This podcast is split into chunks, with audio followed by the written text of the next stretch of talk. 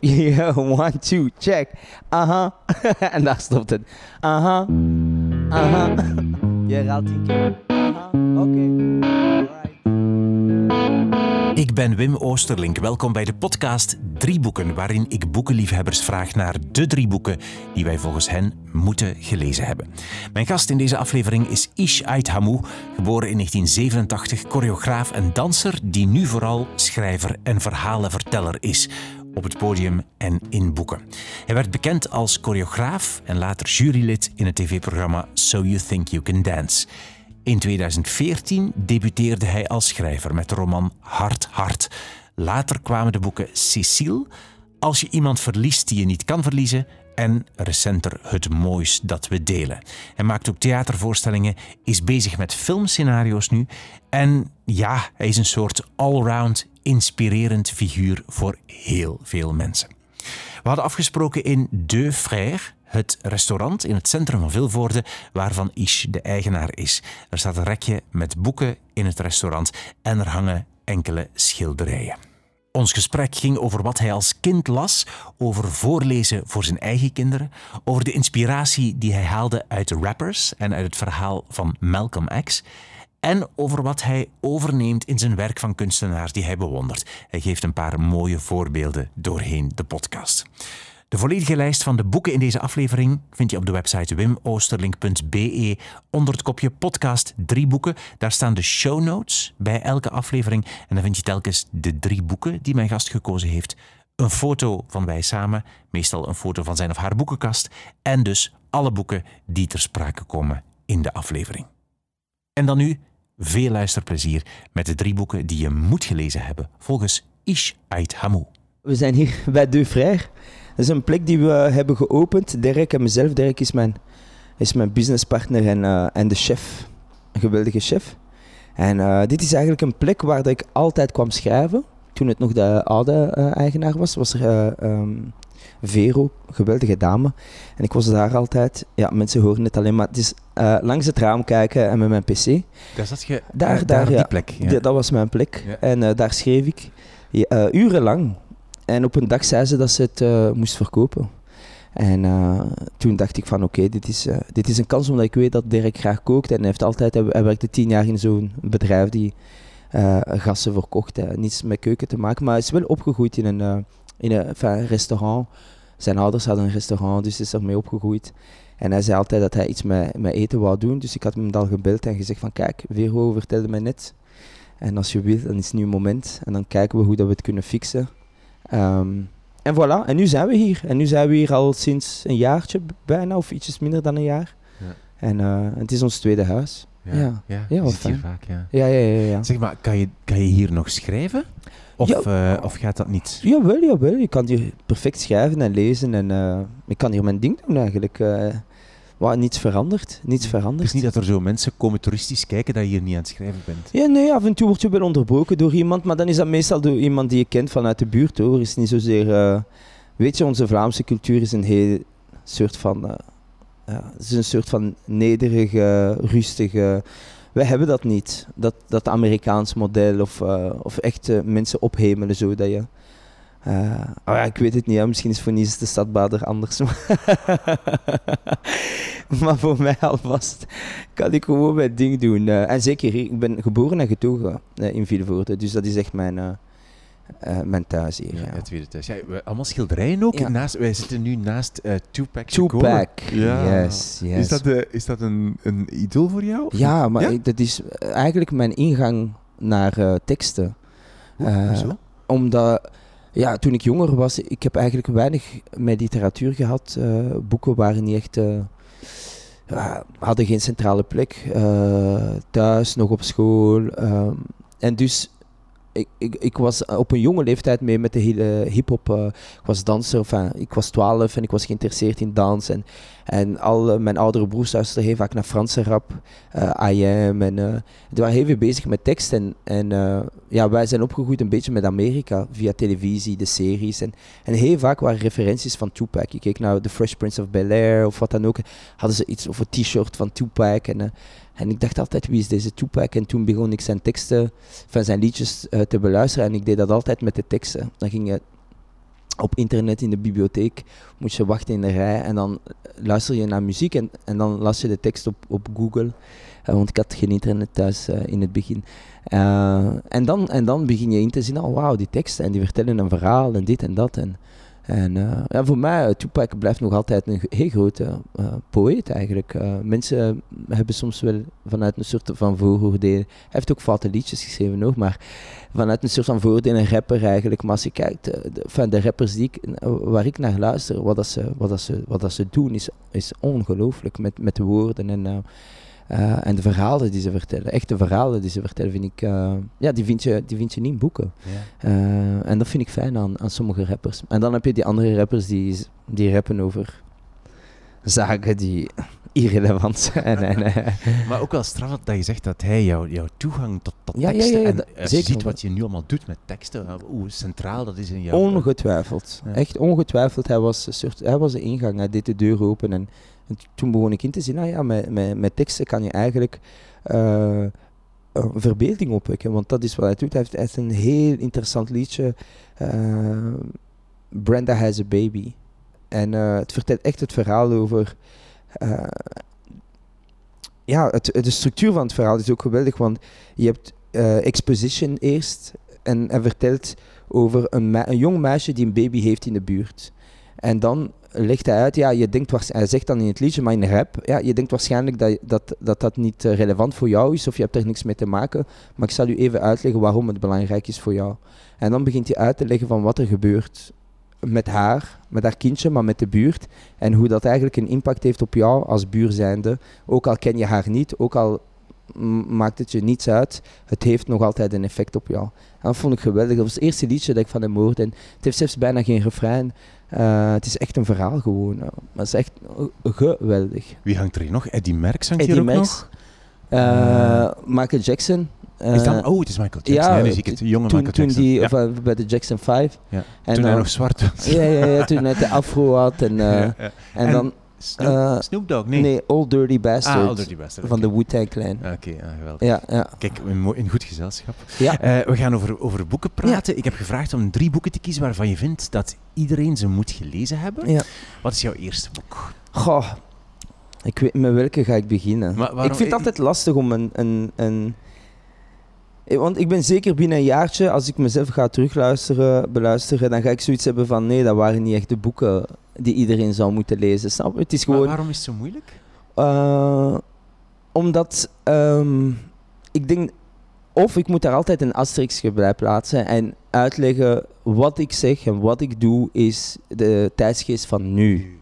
Snap je? En mensen gaan er soms vanuit dat de drie boeken, voilà, dat zijn de drie boeken. Had je mij vorige week gevraagd, had ik waarschijnlijk drie andere boeken. Omdat ik vorige week iemand anders was. Maar vandaag, toen ik deze ochtend wakker werd, waren deze drie boeken. Het zou misschien morgen niet meer van toepassing zijn, dames en heren. En volgende week ook misschien niet. Maar vandaag, maandagochtend, heb ik als eerste... Ik ga beginnen met uh, de autobiografie van Malcolm X. Uh, Geschreven door Alex Haley en Malcolm X. Dus Malcolm X vertelt zijn verhaal aan Alex Haley. En Alex Haley schrijft het tot een bepaald punt in het boek, wanneer Malcolm X wordt vermoord. En dan is Alex Haley die een beetje de, de dagen daarna een beetje probeert te schetsen en een soort van uh, samenvatting maakt van zijn leven. Mhm. Maar het boek, ja, het boek is. Uh, ja, dat moet iedereen gelezen hebben. En hoe, waar heb jij het gelezen? Ik heb het gelezen, uh, weer al, eigenlijk dankzij hip-hop. Televisie leerde mij Tupac kennen. En dan Tupac leerde mij andere rappers kennen. En iedereen heeft een bepaald moment in de rapteksten een referentie naar Malcolm X. Elke rapper op een bepaald moment in een liedje zegt iets over Malcolm X.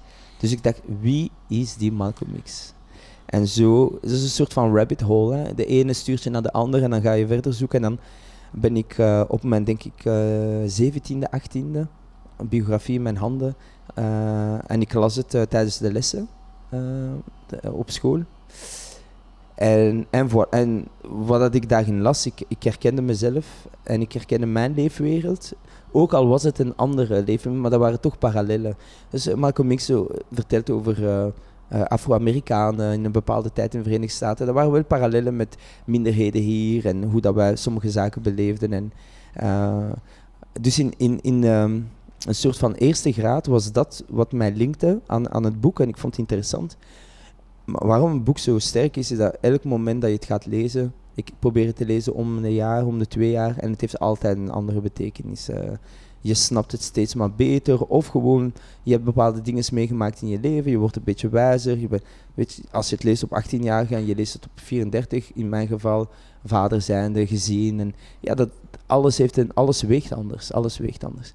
En zijn, en zijn verhaal is een prachtig verhaal eigenlijk over iemand die strijdt voor wat hij denkt uh, dat juist is. En wat het mooie is aan het verhaal is, wat we het net over hebben, is een week geleden was, streed hij voor iets dat een week later streed hij voor het tegenovergestelde, maar gewoon omdat hij verandert als mens. En zien hoe zijn omgeving daarmee omgaat, het land daarmee omgaat en hoe dat hij een soort van probeert uh,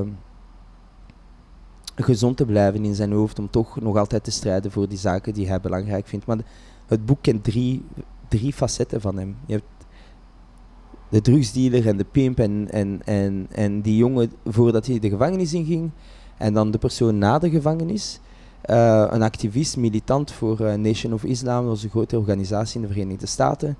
En dan een moment wanneer dat hij ook splitst van die organisatie en eigenlijk uh, op zichzelf gaat. En dat is een, een moment nadat hij een reis maakt naar Mekka.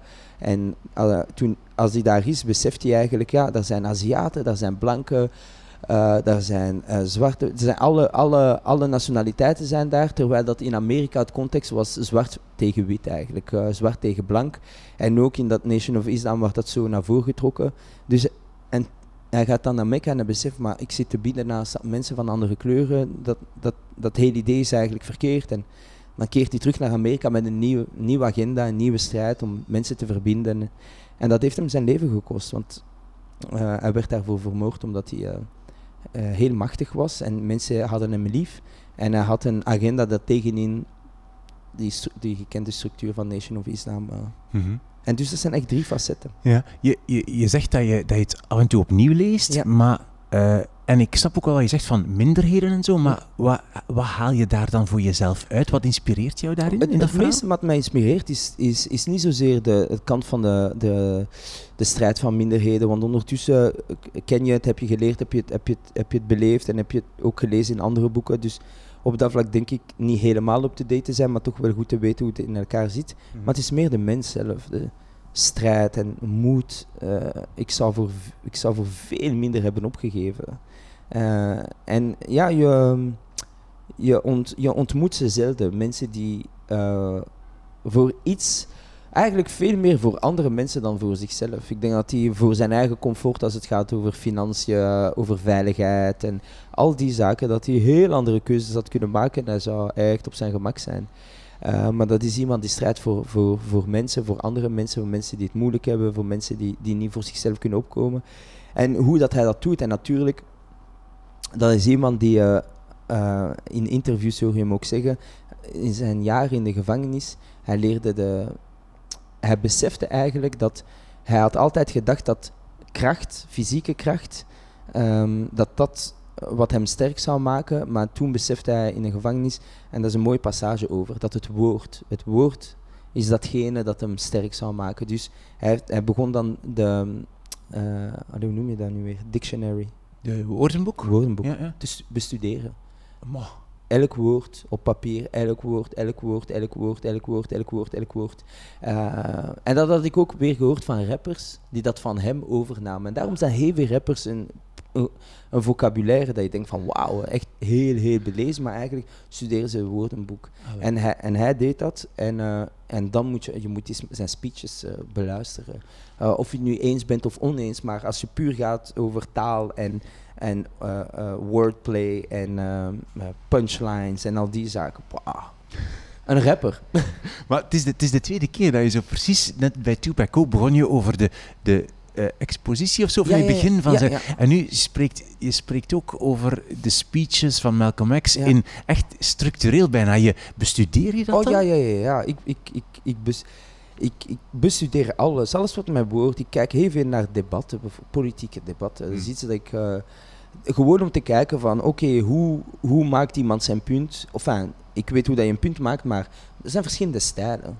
Um, waar kijkt hij, waar kijkt hij niet? Wanneer kijkt hij, wanneer hij wat zegt? Kijkt hij naar de man of de vrouw aan tafel van de journalisten? Al die, want alles communiceert iets. En uh, dat is mijn job. Mijn job is om verhalen te communiceren. En dat zijn sommige manieren die beter gaan werken dan andere, naar gelang waarover het gaat. En dus je gebruikt dat dan? Je denkt dan van, ah wacht, dit ah, moet ik zo, ja, moet ik anders doen? Ja, zeker en vast. Ik kijk, oké, dat werkt, dat lijkt te werken bij het publiek, dat, dat lijkt te werken bij de perceptie van de mensen. Uh, dan weet ik als ik een verhaal moet vertellen, uh, ik, ik, ik schrijf personages uit. Sommige personages voor mij moeten in de nabijheid zijn, andere moeten doorcijpelen uh, in mensen hun hoofden, in hun gedachten, in hun emoties. Ja, dan, ja, dan ga je beginnen kijken naar mensen in jouw omgeving die je kent, maar ook die je niet kent. Van, ah, hoe pakken ze dat aan eigenlijk? Hoe komt dat dat zo'n persoon zo'n impact heeft? Hoe komt dat dat een Malcolm X zo'n impact heeft, zoveel jaren later? Ja. Zoveel jaren later. En zoveel jaren later, we hebben ve veel andere activisten gekend en dit en dat. Maar waarom keren we terug naar die Malcolm X? Wat zei hij en hoe zei het? uh, zei hij dat ervoor zorgt dat we vanavond, uh, vandaag hier uh, in Vilvoorde op de Noëlla eigenlijk over praten. Wat, wat eigenlijk gek is. Hè? Ja. en dat interesseert mij. Ik, ik, ik analyseer graag. Maar, maar puur uit liefde voor, voor de genre en het vorm en, en de ja. woorden en ja. communicatie. Ik vind het geweldig. Ja. Je hebt dat boek niet in Vilvoorde gelezen, als ik het goed heb? Nee, ik heb het gelezen in de Verenigde Staten. Ja. Ik, uh, ik heb een jaartje gestudeerd in Amerika toen ik... Ik vertrok toen ik 17 was en ik was een jaartje daar. En, uh, en we moesten tijdens les Engels boeken lezen. Er waren een paar boeken die we moesten lezen, vijf verplichte boeken en dan mocht je twee zelf kiezen. Uh, en Malcolm X was er eentje van. Van de zelfgekozen? Ja, van de zelfgekozen. De andere waren meer de klassiekers, zoals de Mark Twain, uh, uh, The Adventures of Huck Finn, en dan uh, The Great Gatsby en um, Farewell to Arms. En er waren vijf zo Amerikaanse klassiekers die we moesten lezen en dan bespreken in de les en dan mocht je twee zelf kiezen. En, ja, ja, okay. en Malcolm X was dus, ik was in Amerika en ik was in Los Angeles. En, en zo dacht ik, en ik, ik luisterde elke dag naar hip-hop muziek en, en ik hoorde die Malcolm X, maar, maar ik zei, bon, ik ga Malcolm X eens halen. En toen heb ik het gelezen en ik moet zeggen, het is echt een, uh, een geweldig. Uh, en ook, het was verfilmd door Spike Lee. Met, uh, Denzel, Met Denzel Washington. Ja, ja. En ik heb de film onlangs nog gezien. Ik had echt tranen in mijn ogen. Ja, echt waar. Ik had, daar is een scène met een prachtig liedje. Nu ben ik een liedje vergeten, maar dat is op het einde van de film de scène wanneer hij in zijn wagen rijdt en hij rijdt naar, die, naar zijn uh, soort van congres waar dat hij een toespraak heeft. En je weet dat hij daar gaat sterven. Uh, of je weet als je het verhaal kent en als je zijn boek hebt gelezen of, of de film al hebt gezien. En, en, en het is ook geacteerd dat hij hij, hij, zag het aankomen. Hij wist, hij wist niet wanneer, maar hij wist dat hij vermoord zou worden. Dus ook hoe Denzel dat speelt, als hij in de wagen zit en, en je ziet dat hij het weet. Ik had echt traan in mijn ogen. Ik zeg, draai naar links. draai naar links, bro. Draai naar links. Blijf nog even. Uh, maar ook een geweldige film. Echt een geweldige film. Onder het motto, de film ja. even goed als het boek. Ja, ja, ja. Uh, um, je zei in het begin voor we naar, nou, naar jouw tweede boek gaan, je zei in het begin dat je met heel weinig boeken in contact kwam als kind. Ja, als kind. Dat, dus waren thuis geen boeken? Nee, of nee weinig boeken. Veel stripverhalen, dat wel. Uh, dus ook een boek. Uh, maar boek in de vorm van, uh, van, van romans niet. Maar wel stripverhalen. ik, ik heb vroege herinneringen dat mijn broers stripverhalen lazen en ik keek naar de printen. Was was in Frans. Zij zijn Franstalig. Ik ben Nederlandstalig uh, en Franstalig, maar zij, zij zijn uh, Franstalig. En, en uh, dus dat, dat, waren de herinneringen die ik had. Uh, maar verder dan dat ook niet. En op school, ik ben opgegroeid de generatie van internet. En dat was toen boekbesprekingen.be, downloaden, een paar zinnetjes veranderen en, en binnenbrengen. dus Nee, dat was geen enkel. Ik heb geen enkel boek gelezen, denk ik, tot mijn 16 of 17e. Nee, echt zo roman, echt ik denk tot mijn 16e, 17e heb ik geen enkel boek gelezen. Misschien de zusjes Kriegels van Marc de Bel. Dat is iets dat me bijblijft. Ik weet niet welke leeftijd ik had, maar ik weet wel dat ik die had gelezen op school. Eh, dat wel. Maar dat was lager zelfs. eh. maar secundair onderwijs, nee, echt niets, eh, niets. Ik was bezig met dans, muziek en ik had ook niets met, eerlijk gezegd, niets met boeken. Nee, voilà. Niets met boeken. Oké, jouw eerste boek was de biografie van Malcolm X Ja. door, zeg de auteur? Alex Haley. Alex Haley, Alex. Haley. Wat is jouw tweede boek? Voor mijn tweede heb ik Once Upon a Time in Hollywood by Quentin Tarantino. Oeh, dat is ehm, zeer recent. heb oké. ik gelezen, deze zomer gelezen. Het ziet eruit als een oud boek, maar het is eigenlijk gewoon van, van vorig jaar, denk Ja, ik, zo, hij heeft het- waarschijnlijk. Ja, ja, ja, maar hij heeft het zo aangepakt. Bijvoorbeeld op het einde van het boek, wat ik ook fijn vind, is zo... moet je zien? Dat zijn zo die eh, posters van films die er nog zijn. En, eh, eh, die, weet je, die oude commercials? Ja, eh, reclame voor, voor reclame andere boeken voor achteraan andere het boeken. boek. En daar is zelfs van eh Serpico, de film van Al Pacino. En, dus hij, hij- ik, ik moet zeggen, in termen van belevenis, hij is echt tot het uiterste gegaan van... Van, ja, het speelt zich af in een bepaalde tijd. En de tijd van de hippies in de Verenigde Staten, 1970, 69, 70. En, en, eh, en ook zijn boek heeft, hij- heeft eigenlijk een beetje dat concept gehouden. En om ervoor te zorgen dat je echt zo'n soort van belevenis hebt. eh, wat Ja. ik heel fijn vond. Ja. Maar eh, En je hebt het op vakantie gelezen? Of, op vakantie gelezen. Ja, ik was deze zomer op vakantie in Spanje en Frankrijk. En, en ik ben hier al een lange tijd op aan het wachten. Ik wist dat het eruit zou komen. Op Dus- het boek? op het boek, ja, ja, ja. Omdat, ik heb de film gezien. Nee, ik, ben een, ik, ben een, ik ben een fan van Quentin Tarantino. Ik, ik, maar het is niet alleen dat ik zijn, eh, zijn filmen geweldig vind. Ik lees zijn, zijn- de scripts en de scenario's herhaal. Ik, ik lees ze constant. eh. Serieus? Ja, ja, ja, ja. Het is gewoon hoe dat hij... Ja, hij, hij, hij kan schrijven. Ik weet niet wat ik moet zeggen. Quentin. I love you, man. I love you, man. nee, hij, hij, hij, hij schrijft zoals geen ander, eh, vind ik. Eh, heel spitsig en heel, heel veel humor. En, en hij heeft echt een... Ik vind persoonlijk dat hij een... Heeft een genre gestart, eigenlijk. je moet kijken... Als je kijkt naar zijn, zijn, eh, zijn eh, filmografie en zo, en, en, en de wereld van cinema. Voor Quentin Tarantino had je nooit zo'n scène bijvoorbeeld waar eh, in een film, dat zijn twee agenten, die zitten in een wagen en die zitten te wachten op de dief of wat dan ook. En dan beginnen ze een conversatie te hebben over iets dat totaal niet relevant is. Over, over, over, de ene gaat praten over zijn vrouw die een paar schoenen heeft gekocht en hoe dat, dat een ruzie en, en, en, en, en hij vindt dat maar raar, dat schoenen... Die, en, en dan in één keer, oh, we gotta go, whatever.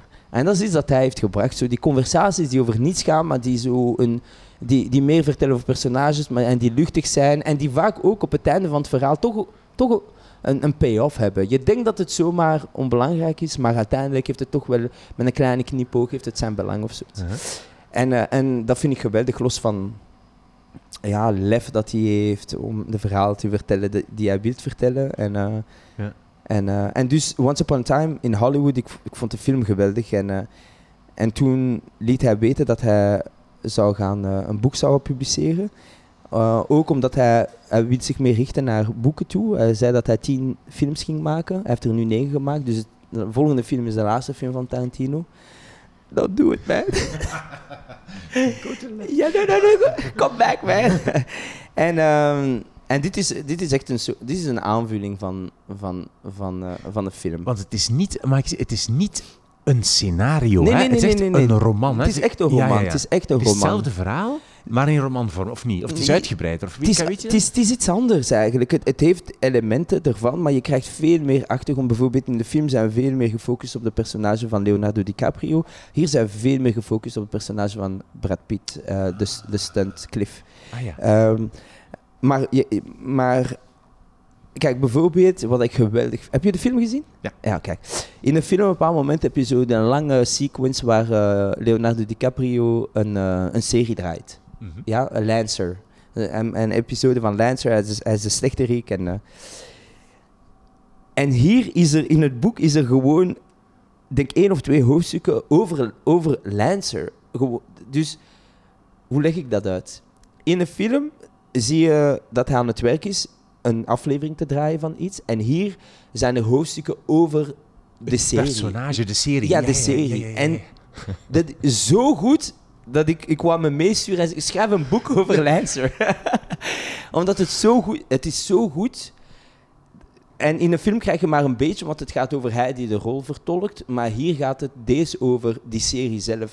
Dus hij heeft die serie uitgewerkt in het Uitwerking Uitwerken van van- stukken. goh, En dan denk ik van, man, man, man. Die, en, is, en los dat hij dat heeft gedaan, maar die serie lijkt zo goed te zijn dat ik zoiets heb van, gaat er iemand die serie maken? en, en dat vind ik geweldig aan, aan, aan hem, los van het feit dat als je het leest. En, en ook wat ik geweldig vind is, voor alle mensen die graag schrijven. eh, en dat is ook een les naar mij toe, eh, vind ik persoonlijk, is... Je zou kunnen denken dat het eh, Tarantino zichzelf is, omdat het, het gaat zoveel over zijn liefde voor films. En het lijkt alsof de woorden die hij legt in de personages, dat het zijn meningen zijn. En wat ik daaraan geweldig vond, is dat meestal als we iets autobiografisch willen maken, of dit of dat, dat we vaak keren naar trauma's. Wat we hebben meegemaakt en wat moeilijk was. En dat zorgt ervoor dat, dat het heel persoonlijk is en dit en dat. Wat dit heel persoonlijk maakt, en je voelt dat het persoonlijk maakt, is zijn mening over films. En hij legt het in de woorden van Brad Pitt, wat hij vindt over Kurosawa-films en al die zaken. En, maar je voelt de passie. Je, het is zo persoonlijk, dit lijkt naar een dagboek van Tarantino. Maar het gaat niet over hoe moeilijk hij het had. En, eh, het verhaal van Tarantino, het heeft lang geduurd voordat hij film maakte. is gestopt met school op zijn dertiende, veertiende. En, maar het gaat niks over zijn moeilijke jeugd, als er moeilijkheden waren. Nee, nee. Dit is persoonlijk vanuit een passie en liefde. Alleen maar positieve zaken. En dat vind ik zo geweldig. Dat het zo iets persoonlijk hoeft niet, hoeft niet vanuit pijn te starten. Ja. Eh, het kan vanuit passie starten. En, en ja, ik, ik hou van films en ik hou van boeken en ik hou van verhalen. Dus ik lees zijn meningen over Franse film en hij vindt Franse films zo traag en zo saai. En eh, Truffaut, iedereen zegt de eh, Les 400 coups van Truffaut is een klassieker en hij vindt van dit, het is gewoon shit. en ik vind, ik vind het zo geweldig. Ik, het is echt, ja, Tarantino die, die, die is peper. Eh, wat, want je zegt dat je, je an- je analyseert dingen, Ja. je, je haalt er dingen uit Ja. waar dat je zelf dan mee aan de slag gaat. Wat haal je hieruit? Ga je eh, dingen schrijven vanuit je passie, maar niet je trauma? Ja, ik, kijk, ik heb, ik heb eh, mijn verhaal, ik heb niet zoveel boeken geschreven, maar... ehm, Want je hebt toch vier boeken geschreven? Ja, eh, je- ik heb opgezocht, je mag het nog geen uivere noemen. Oh, ze, waarom? Wanneer, wanneer Dat is het? een, dit is een uivere wanneer... Een uivere is wanneer dat er eh, voor zoveel tijd een rode draad, eenzelfde rode draad is door jouw werkstukken. Dacht ik volgens Wikipedia. Wie zegt dat? Ah, Wikipedia. Wikipedia, Google. De mensen die alles weten en gelijk hebben. maar, maar, eh, maar inderdaad, mijn urgentie in, het, in, in, in, in de eerste fase was natuurlijk... eh, zeker, zeker als je, je start met schrijven, waar dat je een soort van veiligheid voelt, is natuurlijk alles wat persoonlijk is. En ik start in de literatuur. Ik heb gelezen en, en ik merk ook wat er ontbreekt in de Vlaamse literatuur. Wat voor soort verhalen en ervaringen die ontbreken. En deels ervan, niet alleen maar, maar deels ervan komen vanuit eh, mijn ervaringen eh, als Vlaming zijn, maar ook Marokkaan zijn en dit en dat. En, en, en niet zozeer dat het alleen maar vanuit pijn hoeft te starten, maar soms is het gewoon geweldige personages vanuit die achtergrond die ik niet, niet vind. Dus dan startte ik vanuit dat perspectief. Natuurlijk altijd vanuit iets dat ik graag wil vertellen, maar zo bouw ik het een beetje op. Ik zeg, ah ja, maar Hassan de kruideniers, eh, de, de, de, de kruidenier in de winkel, dat lijkt, me, dat lijkt op de Hassan van mijn buurt. Ik zie die niet vaak in de literatuur. Ik ga die stoppen in de literatuur en ik ga een plekje geven in, in, de, in de boekenplanken van de mensen. Eh, maar ik moet zeggen, na mijn theatervoorstelling, eh, na het mooiste dat we delen, eh, ehm, en een filmscript waarin ik eh, aan heb gewerkt. En ik denk dat dat een beetje het einde was van een belangrijk moment in mijn leven. Eh, maar als ik kijk naar alle verhalen waaraan ik nu werk, die is helemaal anders. Die, ja, ja, ja, die, die, wat dat, ik denk dat wat ik wou vertellen ehm, over, over de samenleving, alvast vanuit het perspectief van eh, een minderheidsgroep en eh, eh, de conflicten van vandaag, die eigen zijn aan vandaag. Ik denk dat ik alles daarover heb verteld wat ik wou vertellen. En als ik kijk naar wat ik nu aan het schrijven ben, dat, heeft daar, dat is, staat daar helemaal los van. Maar waarover gaat het dan? Over mannen in een auto die over hamburgers... Nee, nee, bijvoorbeeld, e- een van de, ver- e- een van de verhalen gaat over drie pleegkinderen die op de heetste dag van de zomer op zoek zijn naar een verloren kat. Eh, omdat er een be- beloning is van 150 euro en ze willen een zwembad kopen in de Aldi. Eh, en dus het verhaal start vanuit die drie pleegkinderen die broers zijn zonder echt broers te zijn. Maar tijdens de zoektocht van de kat ontmoeten ze de gekste personages in de stad. Dus op dat vlak, heel Tarantino-esk. Heel veel bloed, heel veel humor, heel veel... eh, eigenlijk de, de vieze wereld van volwassenen ontdekken door de ogen eigenlijk van drie, drie jongeren. En een ander verhaal waaraan eh, ik werk met mijn broers voor dan film, want dat zijn filmprojecten, maar eh, eh, heeft eh, is een klein jongen in het zuiden van Marokko die hyperdontia heeft. Dus als je te veel tanden hebt in, in, je, in, in jouw gebied, waardoor je je mond niet kan sluiten en en wordt altijd gepest.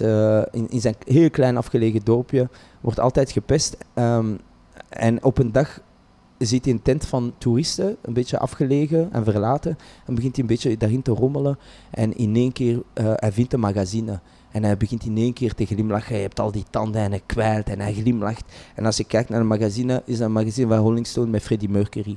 Dus die jongen eh, doet open en hij ziet die live air concert en hij ziet al de mensen met de handen in de lucht en hij denkt van, dit is wat ik wil. Ik wil dat ook in mijn buurt mensen hun handen opsteken voor mij. Dus het is het verhaal van iemand die Freddie Mercury wil worden. Het is veel muziek en veel, eh, maar helemaal anders dan, dan, eh, dan de verhalen waaraan ik eh, momenteel heb gewerkt. Ja. Je hebt zo op Instagram een tijdje geleden een, een post gemaakt van mijn doelstellingen Ja. voor 2021 en Ja, 2022. Elk jaar.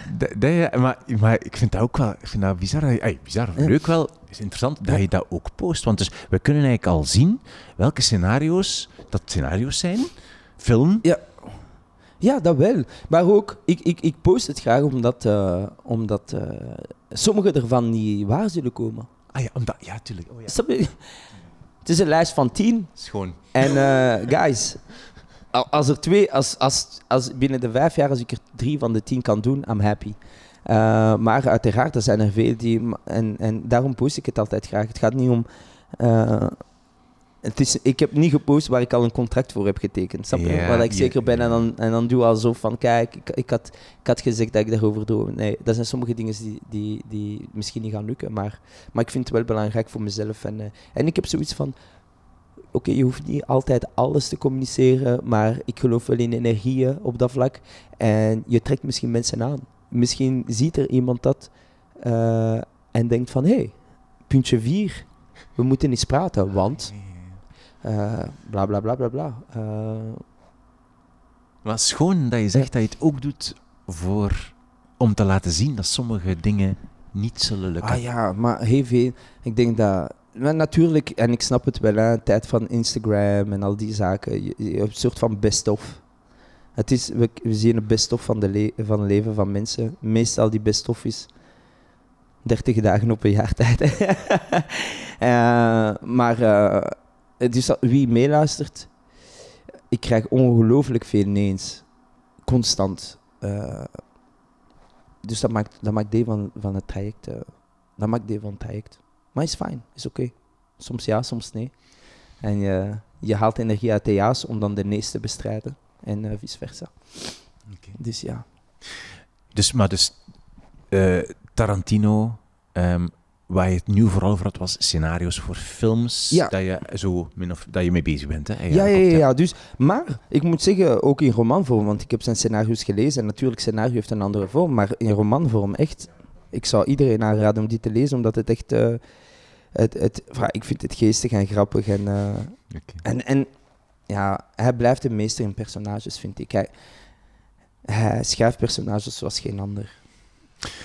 Jouw, eh, jouw tweede boek, Quentin Tarantino, Yes. Once Upon a Time in Hollywood, a novel. Maar het is echt, vooral die uitgave is Is fantastisch. Het fantastisch. is echt zo'n pocket van, van, Ja, van nee, de- het is die jaren, ik weet niet wanneer. Je, je, je, als ik het zie, als ik een outfit hiervan moest maken, of als, ik een, al- als iemand me zou zeggen, maak, hier is een boek en een outfit, dan zie ik zo van die, die bruine mocassins. En weet je, dit past dan in de, ergens in, een, in de jeansbroek van achter, helemaal geplooid. Je wat ik bedoel? En dan uit de bus stapt en dan je haalt hij eruit. En, eh, En stilo, ook met stilo Ja, ook erin stilo, schrijven. ja, maar doe je, doe je dat met stilo in boeken schrijven? Ja, ik heb daar geen, ik heb daar geen probleem mee. Als ik, als ik eh, behoefte heb, meestal heb ik dat bij non-fictieboeken. Als ik iets, eh, Ja? als ik iets, uh, Ogar met Tom Nagels, zijn laatste boek, ik heb hem al, eh, je dat kapot gelezen? enfin, ik ben er volop mee bezig, maar ik heb al heel veel, eh, heel veel notities genomen. Dus, In het boek? ja, in het boek, ja. ja. Ik- wa- waarom niet? Ja. Ik heb ooit eens dit gedaan. Een rug eh, gebroken van... Ik had zo helemaal opengetrokken. Ja, zo'n boek, zo, dus een boek helemaal zo, Ja, zo open. dit, zo. Ja. ja. Ja? En, ik, en ik deed dat naast iemand. Zij was in shock. Wat doe je? Ik zeg, hoezo? Zeg je de rug breken, dit dat, dat doe je niet boek. Ik zeg, jij moet niet in mijn boekenkast komen. ja, ja, ja. Nee, nee, ik neem notities. Ik, eh, Het is om te gebruiken. eh ik boek, vind, voilà. ja, ik vind, en ik vind het, eh, kijk, ik, ik, heb, eh, ik heb drie kinderen. Als ze ooit eens later ouder worden en, en ehm, het, ik vind de gedachte interessant dat als ik er niet meer zou zijn, de dag dat ik er niet meer ben, weet je, de klassieke films zijn, ze gaan opruimen. Ze gaan mijn boekenkast opruimen. En dan, hè, een van mijn zonen gaat doorbladeren. En het feit dat hij gaat zien welke zinnen ik heb gemarkeerd en eh, snap je? Dat zal waarschijnlijk veel vertellen over hun papa en zo. Ah, hij heeft hier iets genoteerd en waarom en dan lezen. En, dus ik vind het interessant. Is, een boek is al, veel, is al is, is veel, vertelt veel. Als je dan in de notities kan kijken van wat relevant was voor iemand die je lief, hopelijk lief hebt. En- of belangrijk vond of zoiets, vind ik wel. Dus dat moedigt me ook aan om gewoon dingen zachter te laten en zo. Ja. Notities te nemen. Lees je voor aan je kinderen? Eh, heb je dat gedaan? Nee, mijn, mijn vrouw, eh, dat is een beetje. eh, mijn vrouw leest elke avond voor. Zij zijn. mijn twee zonen, eh, want de derde is nog maar een baby, maar de twee die zijn echt in Dolfje. Dolfje? Ken je Dolfje? Zo'n weerwolfje. Ja, Dolfje, Dolfje, ja, ja. ja, ja, ja, dat. Dolfje. Ik ben eventjes aan het wachten dat ik ah, manga's kan lezen met hen. Welk? Manga's, Japanse. Dus ik ben eventjes aan het wachten dat ze op leeftijd komen. Maar ik moet wel zeggen, mijn vrouw heeft, het, heeft dat heel goed gedaan om echt elke avond. eh, Ja, eh, ja. ja. Heb je eh, boe- boeken, is, staan je boeken in een boekenkast? Je spreekt van een boekenkast. Is Ja. dat zo één kast of zo? Of Ja, op verschillende eh, plekken? Of hoe is dat? planken tegen de muur. eh, in mijn bureau, aan, langs beide kanten. En daar zitten al mijn, al mijn boeken en boeken van mijn vrouw. En, en de kinderboeken. En, Dolfje. ja. ja, Dolfje. Ja, Dolfje, Dolfje overal. Dolfje overal. Goed. Ja. Ehm, we gaan naar jouw derde boek. Ja. Wat is jouw derde boek? Mijn derde boek is De Profeet van Khalil Gibran. Eh, heel dun. Heel dun. P- premisse is geweldig. Ehm, is, ik vond het ook interessant, omdat af en toe als ik, als, als ik, eh, als ik mensen aanspreek, of als ik een gesprek heb met mensen en die vragen mij inderdaad voor, voor een boek, en ik zeg, ja, je moet echt eh, De Profeet van Khalil Gibran, zo af en toe dat wel zo... Ik moet altijd zo'n sterretje zetten van, het is geen religieus boek. Snap je? Je hebt zo precies het gevoel dat dat zo het is een islamitische boek is. Ik zeg, het is geen... Je wordt niet geïndoctrineerd. Don't worry, ik probeer je niet te bekeren. Het, het heeft niks mee te maken. Dus voor de mensen, het is geen islamitisch boek. Maar eh, eh, het is echt een dun boek. En ik vind de premisse eerst en vooral geweldig, omdat het... eh, eh, het zorgt voor een structuur, een makkelijke structuur om dan gewoon je mening te uiten. Het eerste hoofdstuk gaat, eh, het vertelt het verhaal, er is een man die zit op een eiland en hij wacht, eh, hij is daar denk ik twintig jaar geleden aangekomen met een boot. De boot is vertrokken en is daar achtergebleven. En elke dag wordt hij wakker en die kijkt of de boot terugkomt. En op een dag wordt hij wakker, dan beginnen we het verhaal. En een boot komt terug. Dus die gaat eindelijk naar huis. En hij gaat de berg naar beneden, naar boot. En ondertussen, elke keer is er een persoon in het dorp die zegt van... Oh, Wim, jij gaat vertrekken. Voordat je vertrekt, zeg ons alsjeblieft iets laatste woorden over liefde. En dan zijn twee, drie pagina's over liefde. En dan stapt hij verder en dan iemand die zegt... Oh, Wim, voordat je vertrekt, zeg ons iets over arbeid. En dan twee, woord, eh, twee pagina's over arbeid. Dus het, het is een filosofie over die onderwerpen. Het is iets dat je niet lineair moet lezen. Je kan gewoon een hoofdstuk lezen, twee, drie pagina's of een ander of alles. En wat dat ik fijn daaraan vind, het, het is eerst prachtig geschreven. Mensen die Khalid Gibran kennen en lezen, is poëzie. Maar het zet je aan. Stel je voor dat je zou proberen te doen wat hij zegt dat je zou moeten doen. Of eh, hoe dat je naar bepaalde onderwerpen zou moeten kijken. Het is heus onmogelijk om dat te doen. Dus de uitdaging is erin, hoe, tot hoe ver kan ik... Want het, het Waarom is, is dat mogelijk? het is zo bijna perfectie. Zo. Het, het vraagt zoveel van jou, eh, naar je medemens toe, naar, naar, naar al die onderwerpen. Ja, dat is zo een beetje het perfect plaatje. Maar de vraag is tot hoe ver kan je daar geraken? En dat, dat, dat vind ik een int- interessante insteek. Is, eh, eh, eh, een van mijn favoriete zinnen gaat over geven. Een onderwerp zegt, eh, vertel ons iets over geven. Ik parafraseer, want ik weet het niet meer exact. Maar hij, zei, hij schreef dan... eh, ik hoor jullie vaak zeggen, ik wil wel geven, maar enkel aan degenen die het verdienen. Maar dat zeggen de koe- koeien op de weide, nog de bomen in de boomgaarden niet. En dat vond ik een heel interessant gegeven. Is, ah ja, dat, eigenlijk dat is waar wij...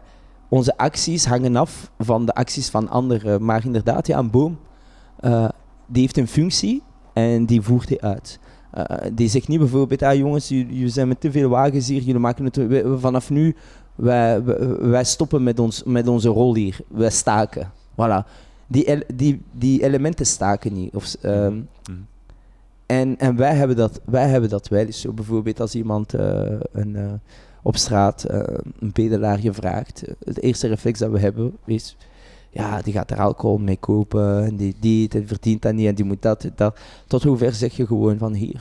Mijn taak is om te geven. En of je alcohol koopt, ja, dan heb je alcohol. eh, Zonde voor jou. Maar mijn taak is gewoon, ik geef. En, maar dat is moeilijk, want je hebt rationaliteit en je hebt die hele overdenkingsproces, eh, waar dat het boek heel, heel simpel is, heel, heel simpel. En, en, en dat vind ik zo mooi. Het is, het, is, het is een soort van gids, als je het zou willen, Mhm. eh, maar zo mooi geschreven dat er zoveel ruimte is voor interpretatie ook. Het, het is niet zo van eh, sta recht in een bus als er iemand zo. het, het, het, het, het, het- ja, het is poëzie, dus je kan het een beetje, en opnieuw, naar gelang de leeftijden, kan je iets erin lezen, omdat het, het staat ruim voor interpretatie. Maar het is zo mooi, het is zo mooi. Hoe ben je ooit bij het boek gekomen? Dat is, ah, ik weet het. Ik heb eh, grappig genoeg drie exemplaren, eh, maar geen meer in mijn boekenkast. Dus ik heb Excuseer? drie exemplaren ontvangen. Ik heb ze alle drie ontvangen. Ik heb nooit gekocht. Ik heb ze alle drie ontvangen, maar ik heb ze niet meer. hebt drie keer gekregen. Ja. En ik heb ze drie keer gekregen na of een eh, signeersessie of een lezing. En wat ik interessant vond is, en elke, elke keer zei ze tegen mij van, ehm, ik heb je werk gelezen of eh, ik heb iets gehoord of dit of dat, en ik denk dat dit echt een boek voor jou is. en als ik het lees, terecht, klopt. chapeau mensen, terecht. Omdat, en daarmee bedoel ik niet dat onze teksten op elkaar lijken of dit of dat, maar ik denk eh, waar ik naar streef en wa- wa- wa- waar ik na- graag naartoe zou willen gaan als mens, het, het boek vat het goed samen. Zo, dat, dat is de... Ik heb uitdagingen in mijn, in mijn werk. Je probeert eh, met elk nieuw verhaal probeer een beter verhaal te schrijven. Je probeert je voorkoopcijfers op te krikken. Je hebt, in het professioneel leven heb je zo heel statistisch cijfersmatig elementen die een, een soort van... eh, eh, hoe noem je dat nu weer? Een, een soort van checkpoint. Oké, en nu volgende, en nu volgende, en nu volgende. Als het gaat over moraal en als het gaat over menselijk vlak en emoties, dan is de profeet de checkpoint, vind ik. Dat, eh, elke ding dat je leest, denk ik, ah, wauw. En soms, het is interessant, maar soms ben je het oneens, maar dan, het, het, het, het gaat niet, er is eentje over arbeid en, en eh, over het hard werken en hoe belangrijk dat is. En, en je gaat terugkeren en het is niet zeggen van nee, maar hard werken, hard werken, eh, het, het leven draait niet enkel om hard werken, maar dan, dus je bent het op dat vlak oneens en dan lees je het opnieuw. Zeg maar daar gaat het niet om. Het, het, gaat niet om, om je 9 to 5 en dan meer en meer te gaan doen en, en meer te gaan geven aan het bedrijf. Nee, het gaat over voldoening ha- halen uit arbeid. En eigenlijk eh, het, het, het, niet zien als, het, het, zien als iets, dat, eh, daar zit honor in. In arbeid, daar zit honor. Eh, en nu is het aan jou om te gaan kijken van hoe en wanneer en, en, en voor wat ga je hard werken en voor wat niet. Of dat, dat is subjectief, maar gewoon het feit dat het niet gelinkt is aan, aan, aan iets dat, dat slecht is of verkeerd. Nee, daar zit honor, maar je moet, je moet het juiste arbeid voor jou vinden. Eh, arbeid eh, is, betekent niet je day-to-day job, het kan Mhm. heel wat betekenen. Mhm. En dat vind ik. voor mij, het, pusht, het, het, het duwt mij altijd om verder te gaan nadenken over. oh, Het is echt een prachtig boek. Heb jij het ooit gelezen? Heb je? Ik heb het nooit gelezen. ja, het is echt een dun boek. En, en, en als er een boek is dat je altijd bij de hand zou willen hebben, dan is het dat wel. Omdat het, het heeft geen... Het heeft geen lineair verhaallijn, of in de zin van, ah, ik heb het al gelezen, ik weet wat er gaat gebeuren. eh, of ik moet opnieuw beginnen aan iets dat visueel 300 pagina's is. En, eh, of dat zijn sommige passages die mij interesseren of niet. Nee, je opent het en, en, en, en als je even vastzit en over, over sommige onderwerpen, eh, over liefde, over vriendschap, over familie, over... ne- neem die drie pagina's en lees ze goed. En, en die zinnen...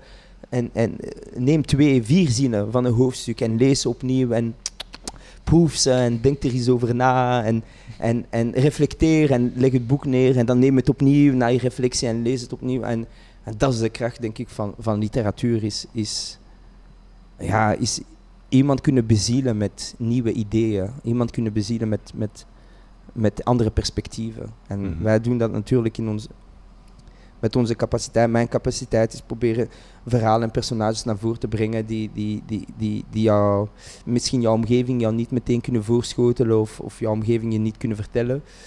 Maar Khalil Gibran, ja, die, eh, die, die doet dat op een eh, geweldige manier. Ik zie het. Als je niet zou zeggen, ik zie het al aan je gezicht.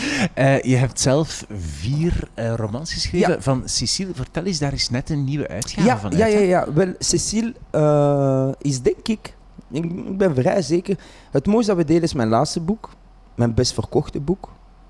Cecile is mijn tweede best verkochte boek, maar denk ik lievelingsboek van de lezer. Mhm. Ehm, en ehm, iedereen vraagt me altijd een vervolg. Heb ik niet gedaan. Nog niet.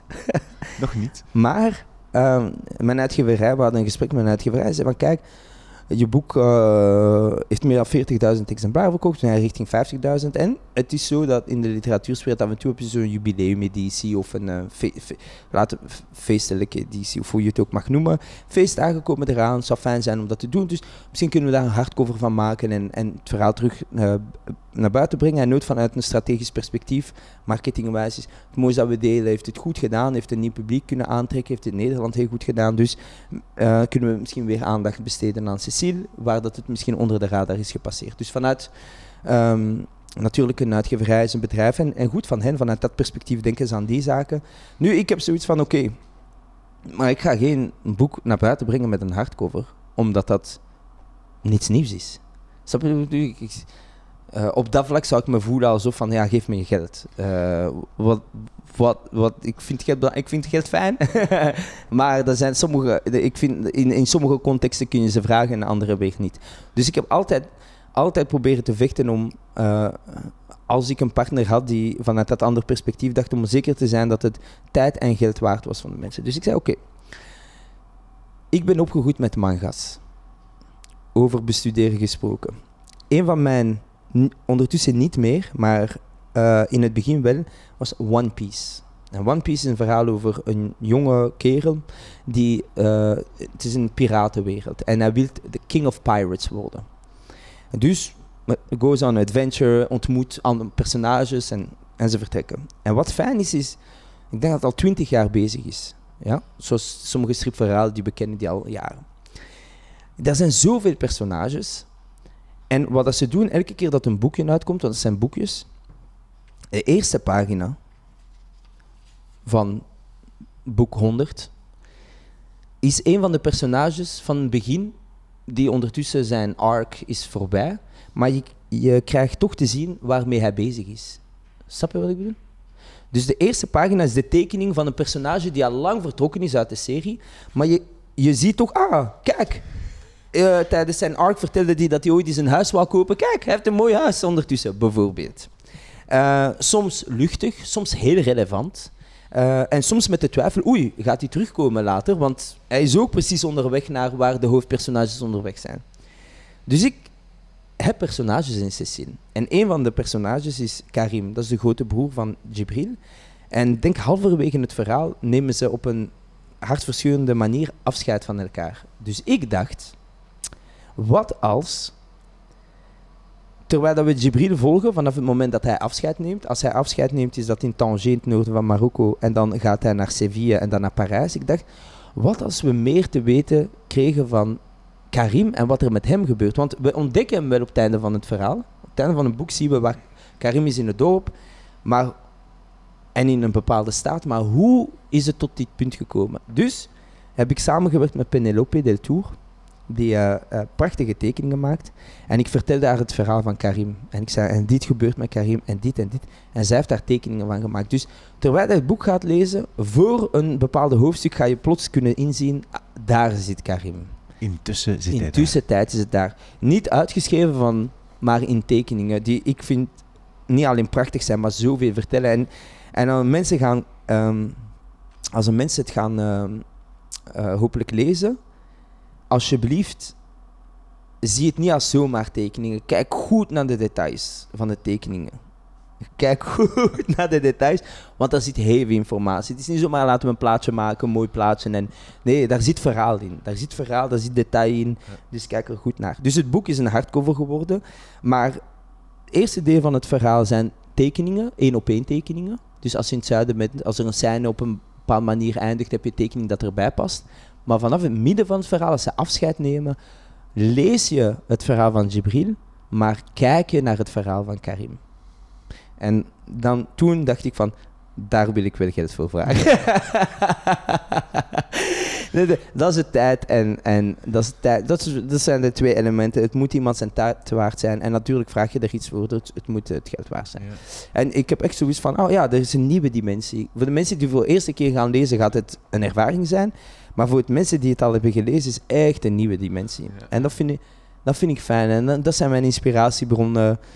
Japanse manga's. Je zou denken van, ah, het zijn dus over jongen die piraat wilt worden, over kung fu verhaal. Maar de structuur, en we, we merken het, hè, is zo...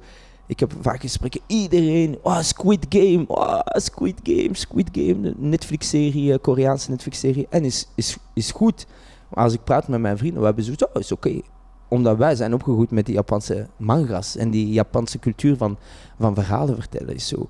Ja, is goed, maar dat lijkt heel veel op deze tekenfilm. Lijkt, dit lijkt heel veel op deze tekenfilm. Oh, dit is echt een rip-off van deze tekenfilm. En het is oké. We zijn allemaal een soort van rip-offs van, van onze inspiratiebronnen. Ooit ga je rip-off uh, uh, van Tarantino in mij zien, omdat ik gewoon... Ja, dus, ik probeer daar naartoe te gaan op sommige vlakken of dialogen, want hij is geweldig in dialogen. Maar uh, daarom is het belangrijk, is zo als verhalenverteller en als je graag boeken schrijft en dit en dat is, ja, laat niets links liggen. Eigenlijk, er zit in alles iets, uh, ook, soms in een structuur. Ik, ik, luister veel naar muziekalbums voor structuren van mijn verhalen.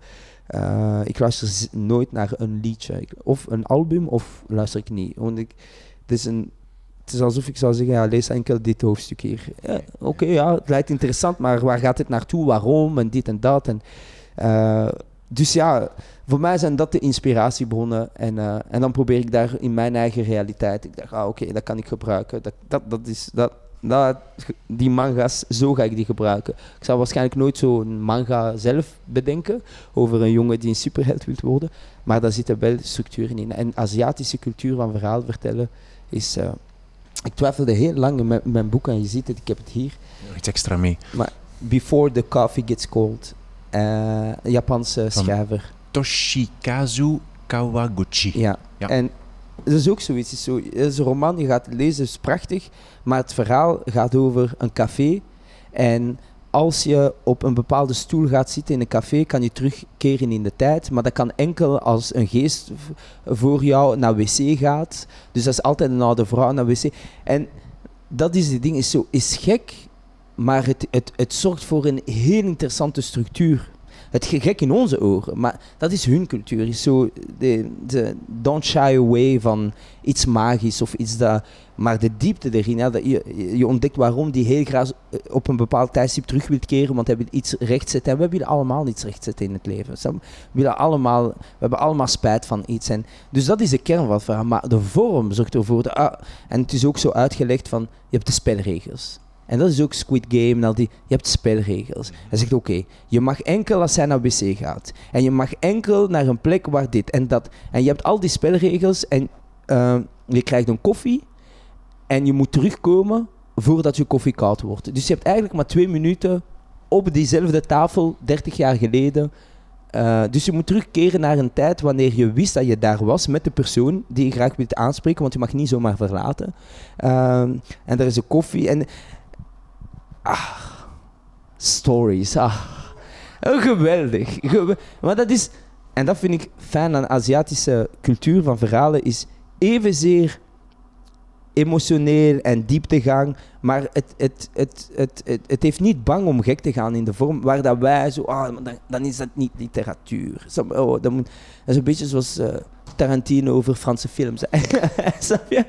Is, is saai en, en dit en dat. En, en ja, ook lezen mensen. Before the coffee gets cold. Ja, ik heb vier boeken, ik heb de regels een beetje... je hebt nog iets mee. Wil je daar ook iets over vertellen? Of? Ja, de stad, stad der dieven. Opnieuw, David Benioff met twee F'en. Wie is Da- eh, David Benioff? De meeste Nee. mensen kennen, dat is Nee. een maker van Game of Thrones. Ah. Dus ik kijk Game of Thrones. Ik vind de serie geweldig. Mhm. En dan blijkt dat eh, hij boek heeft geschreven. Dus ik denk, ah, ik ga het even... En ook opnieuw... Ja, geweldig verhaal. Geweldig verhaal. Eh, Sovjet en het is eh, de oorlog en...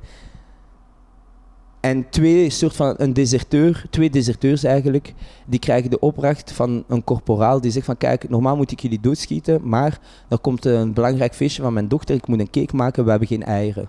Dus jullie krijgen de opdracht om 12 eieren te gaan halen. Als je de eieren vindt, blijf je in leven, anders schiet ik jullie dood. En dat zijn die twee die op zoek gaan in Rusland tijdens de oorlog naar 12 eieren. Maar je ontmoet personages en, en de premisse van iemand op pad sturen, dat is eigenlijk wat interessant is. is daar moet die, die paradox zitten. Is, is dat onmogelijk lijkt voor je hoofdpersonage in het begin. Als je dat vast hebt, ja, dan ben je vertrokken. En dan kan je het invullen met, met al die echte, tussen aanhalingstekens, en reële of urgente of maatschappelijke thema's. Maar het is, als je kan starten vanuit iets dat, het zijn over twee die twaalf eieren moeten gaan zoeken.